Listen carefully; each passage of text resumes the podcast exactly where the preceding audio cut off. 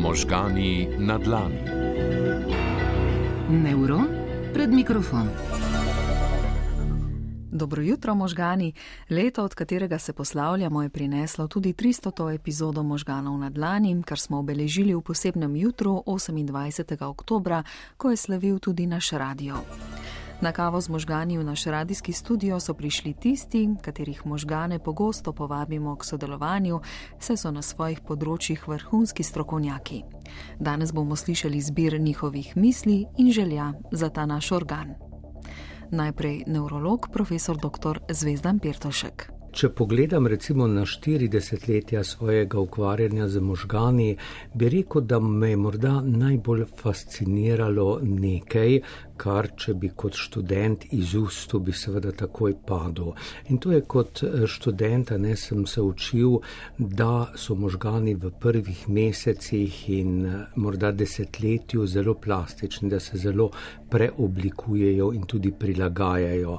No, Eh, danes pa seveda Eh, na zrela leta sem se naučil in videl nekaj eh, drugega. In to je, da možgani niso zamrznjena betonska plošča, v katero je DNA in pa vaše izkušnje iz prvega desetletja zapisalo neko vsebino, ampak da je to organizem, ki se vse čas pravzaprav spreminja, ki ga lahko preoblikujemo, in to ne samo prvo eh, torej desetletje, ampak do 70, 80, 90 in več let svojega torej življenja. Neuroplastičnost je torej nekaj, kar nas spremlja skozi celotno življenje. Vseeno pa so začetki razvoja tisti, ki najbolj zanimajo psihiatrinjo in psihoterapevtko Bredo Jelen Sobočan, saj je povedala, da je fascinantno, kakšen vpliv imajo prvi tedni, meseci in leta na to, kdo smo. Mislim, da imam na nek način v življenju izjemno srečo in sem vse bolj hvaležna za to srečo. Delam namreč enega najlepših poklicov, kar je možno. Zelo rada delam z možgani in tistimi, ki jih nosijo v glavi. In pravzaprav seveda vem, da do konca svojih dni še zdaleč ne bom vedla uh, marsikaj o možganih. Ampak to, kako na različnih nivojih so sposobni sprejemati inpute iz okolice, na kak način integrirajo, na koliko nivojih razumejo dogajanje zunaj sebe, znotraj sebe, kako to povežejo informacije v smislu čustev, ki obarvajo in informirajo pa motivacij, ki iz tega nastajajo in nas ženejo in nam na nek način dajo smisel, in seveda kako kognitivno to obdelajo, v koliko različnih predalov spravljajo stvari kot spomine in kako pravzaprav potem presenetljivo to kombinirajo v kognitivne ali umetniške ali razne druge mentalne presežke. To je pravzaprav tako fascinantno, da se vedno znova začudim, kakšen aparat nosimo v glavi. Aparat, ki omogoča vesolje čudes, a tudi celo galaksijo izzivov. Breda Jelen Sobočan. Pravega duševnega zdravja najbrž večina ali pa 99% ljudi ne doseže. To je nek ideal, ki se mu poskušamo približati. V teh časih je to evidentno, Eh, bolj ko eh, človeka izpostavimo stresu, bolj se pokaže, kako ni duševno zdrav. In to je realiteta večine nas. Naši možgani, kakor so kompleksni, so tudi polni pasti. Namreč isti mojstri kot za prepoznavanje realnosti so tudi kako zabrisati realnost. Tako da vsak od nas živi v globokem prepričanju, da je ravno on tisti ta prava mera in da sem ravno jaz duševno zdrav in so moja prepričanja absolutno prava. In iz tega vidika je tako zelo pomembno govoriti o stvarih, o katerih ne razmišljamo in mislimo, da jih eh, počnemo prav. Tako da eh, super bi bilo, če bi vsi dvomljivci začeli dvomiti vase. Možgani na dlani. Brez dvoma pa se neuroznanost razvija in ve vedno več, kljub temu, da se za vsak odgovor ponudita novi dve vprašanji. Docent dr. Blaško Ritnik. No, še vedno uh, smo precej slabi v tem, kako poznamo delovanje človeških možganov, pa vendar lahko rečem, da sem vsaj sam skozi vsa ta leta spoznavanja delovanja možganov našel veliko vsaj usporednic, če že ne eh, razlogov in pojasnil, eh, zakaj smo, kakršni smo, zakaj se vedemo, kakor se vedemo v dobrem in v slabem smislu. In možgani se vsekakor upletajo v seveda delovanje celotne družbe, vključno z vsemi težavami, ki jih generirajo. Katero vprašanje pa je na vašem področju trenutno največji izziv?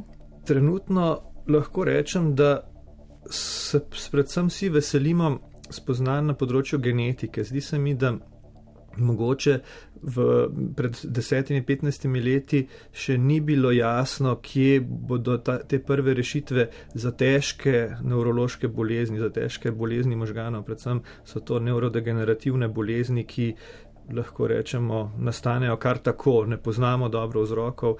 In izkazalo se je, da je ravno napredek na področju genetike, poznavanja dednega zapisa, ki je pogosto temelj za to, da takšne bolezni nastanejo, tista mogoče prva rešilna bilka, ki je zares že začela pomagati pri tem, eh, kako zdravimo takšne bolezni. Tako da z navdušenjem spremljam eh, novice, ravno so spet objavili eno novo novico, kako je eh, ena od študij, ki preučuje, ki, ki preučuje zdravljanje bolezni ALS z. Po prin, principi genske terapije se je izkazala za uspešno. A ste se danes dobro naspali? kot vsako jutro se težko zbudim, priznam. Se kdaj o, o tem svojem spalnju in spalnih navadah pogovarjate tudi kaj eh, s kolegi? Raj zadržim zase, ampak to je ena od mojih šibkih točk. Več bi bilo treba spati. Za možgane je spanje zelo zdravo. Profesorica dr. Leja Dolenc Grošelj, vi se gotovo strinjate s tem, kaj ne? Dobro jutro, mojca, dobro jutro, Blaž. Uh, moram priznati, Blaž, da sem jaz tudi pol večerni tip in se zjutraj težko zbudim. Ja, moje področje raziskovanja in kliničnega dela je somnologija. To je neuroznanstvena veda, ki preučuje delovanje možganov po noči, kaj vse se nam dogaja med spanjem. In še vedno imamo na tem področju veliko odprtih vprašanj. Mi vemo, da je spanje pomembno za tvorbo spomina, da se nam med spanjem izločajo neurodegenerativne substance z možganov, kar nam omogoča dobro staranje. Vemo, da nas spanje ščiti pred okužbami, kar je trenutno v času epidemije COVID-a zelo pomembno. Ampak še vedno iščemo druge pomembne funkcije spanja. Saj, kot je rekel pionir semnologije, profesor Rečafen, če spanje ni nujno potrebno, potem je to največja napaka, ki se je kdajkoli zgodila v evoluciji. Ampak v evoluciji ni tako velikih napak. Zato menim, da je zagotovo spanje nujno, vse njegove neraziskane funkcije pa nam še zdaj ne pustijo spati. Profesorica dr. Leja Dolenc Grošelj se nam je takole tudi oglasila v živo v jutranje minute za možgane. In ja, težko si predstavljamo, da bi bilo spanje napaka, kaj ne? Sploh v zgodnih jutranjih minutah, ko plujemo po svetu neuroznanosti.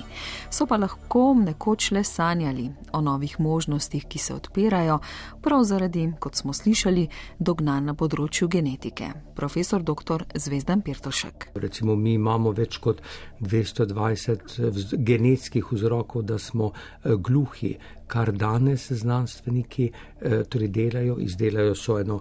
Torej, so eno čudovito malo zapestnico, ki na to sprejema zvoke kot vibracije in jih pošilja v možgane, v tisti del, kjer je center za sluh. In vibracije potem v nas vzbudijo. Ne samo organiziran sistem vibracije, ko bi rekli, da ta vibracija pomeni mama ali morje, ampak mi po treh, po treh do šestih mesecih naši eh, možgani zaslišijo besedo morje in morje odprtih vprašanj in izzivov za možgane še ostaja. Možganska omrežja, o tem smo se velikrat pogovarjali, kako znotraj možganov različna omrežja delujejo, ampak možgani so organ, ki so narejeni za to, da se tudi med seboj povezujejo, se pravi, da se pletejo ta omrežja eh, med posameznimi možgani in med posameznimi ljudmi. In mislim, da v teh omrežjih nam ne gre preveč dobro, da bi bilo tukaj, tukaj še neki prostor za izboljšavo in želim vsem poslušalcem in vsem nam, da se znamo bolj kvalitetno mrežiti med seboj, se razumeti, se poslušati in skupaj delovati v dobro vseh. Tako docent dr. Blaž Koritnik in ker je to zadnja epizoda možganov na dlani v letošnjem letu, zaključujemo željo profesorica dr. Maja Bresjanac. Če smem se navezati na blaževo informacijo, bi rekla, da noben eksperiment in nobena raziskava, v kateri trenutno sodelujem, ne buri mojega duha toliko kot pravzaprav želja, da poiščemo način, kako čim bolje izrabiti lastne možgane um, njim in pač civilizaciji v prid. Zdi se mi, da je potrebno na tem področju narediti še bistveno več, kot smo doslej in v tem oziru um, že prva osnovna pot, ki jo hodimo skupaj za oddaji možgani na dlani in recimo z radijem nasploh, da širimo informacije o znanju, o procesu znanstvenega raziskovanja, ki je temelj znanju, o tem, kaj je znanstveno podprto in na kaj lahko računamo in se zanesemo, ko sprejemamo nekatere odločitve ali pa vse odločitve, da je to najpomembnejše od vsega. V zadnji letošnji epizodi smo nanizali biserčke misli psihiatrinje in psihoterapevtke Brede Jelen Sobočan, predstojnika katedre za neurologijo na Ljubljanski medicinski fakulteti profesorja dr. Zvezdana Pirtoška, docenta dr. Blaža Koritnika, predstojnika Kliničnega inštituta za klinično neurofiziologijo UKC Ljubljana, neurologinje in evropske strokovnjakinje za medicino spanja, izredne profesorice dr. Leje Dolenc Grošal ter profesorice dr. Maja Bresjanac, vodja laboratorija za regeneracijo in plastičnost živčevja na Inštitutu za patološko fiziologijo ter predsednice Slovenskega društva za neuroznanost Sinapsa. Daljše pogovore hrani arhiv na prvi.rtvslo.si, ki seveda hrani tudi vse epizode oddaje možgani na dlani. Jaz sem mojca delač in ob koncu se vam lepo zahvaljujem za vaš posluh in možgane, zaupanje in radovednost v letošnjem letu in veselim vseh družen v prihodnjem.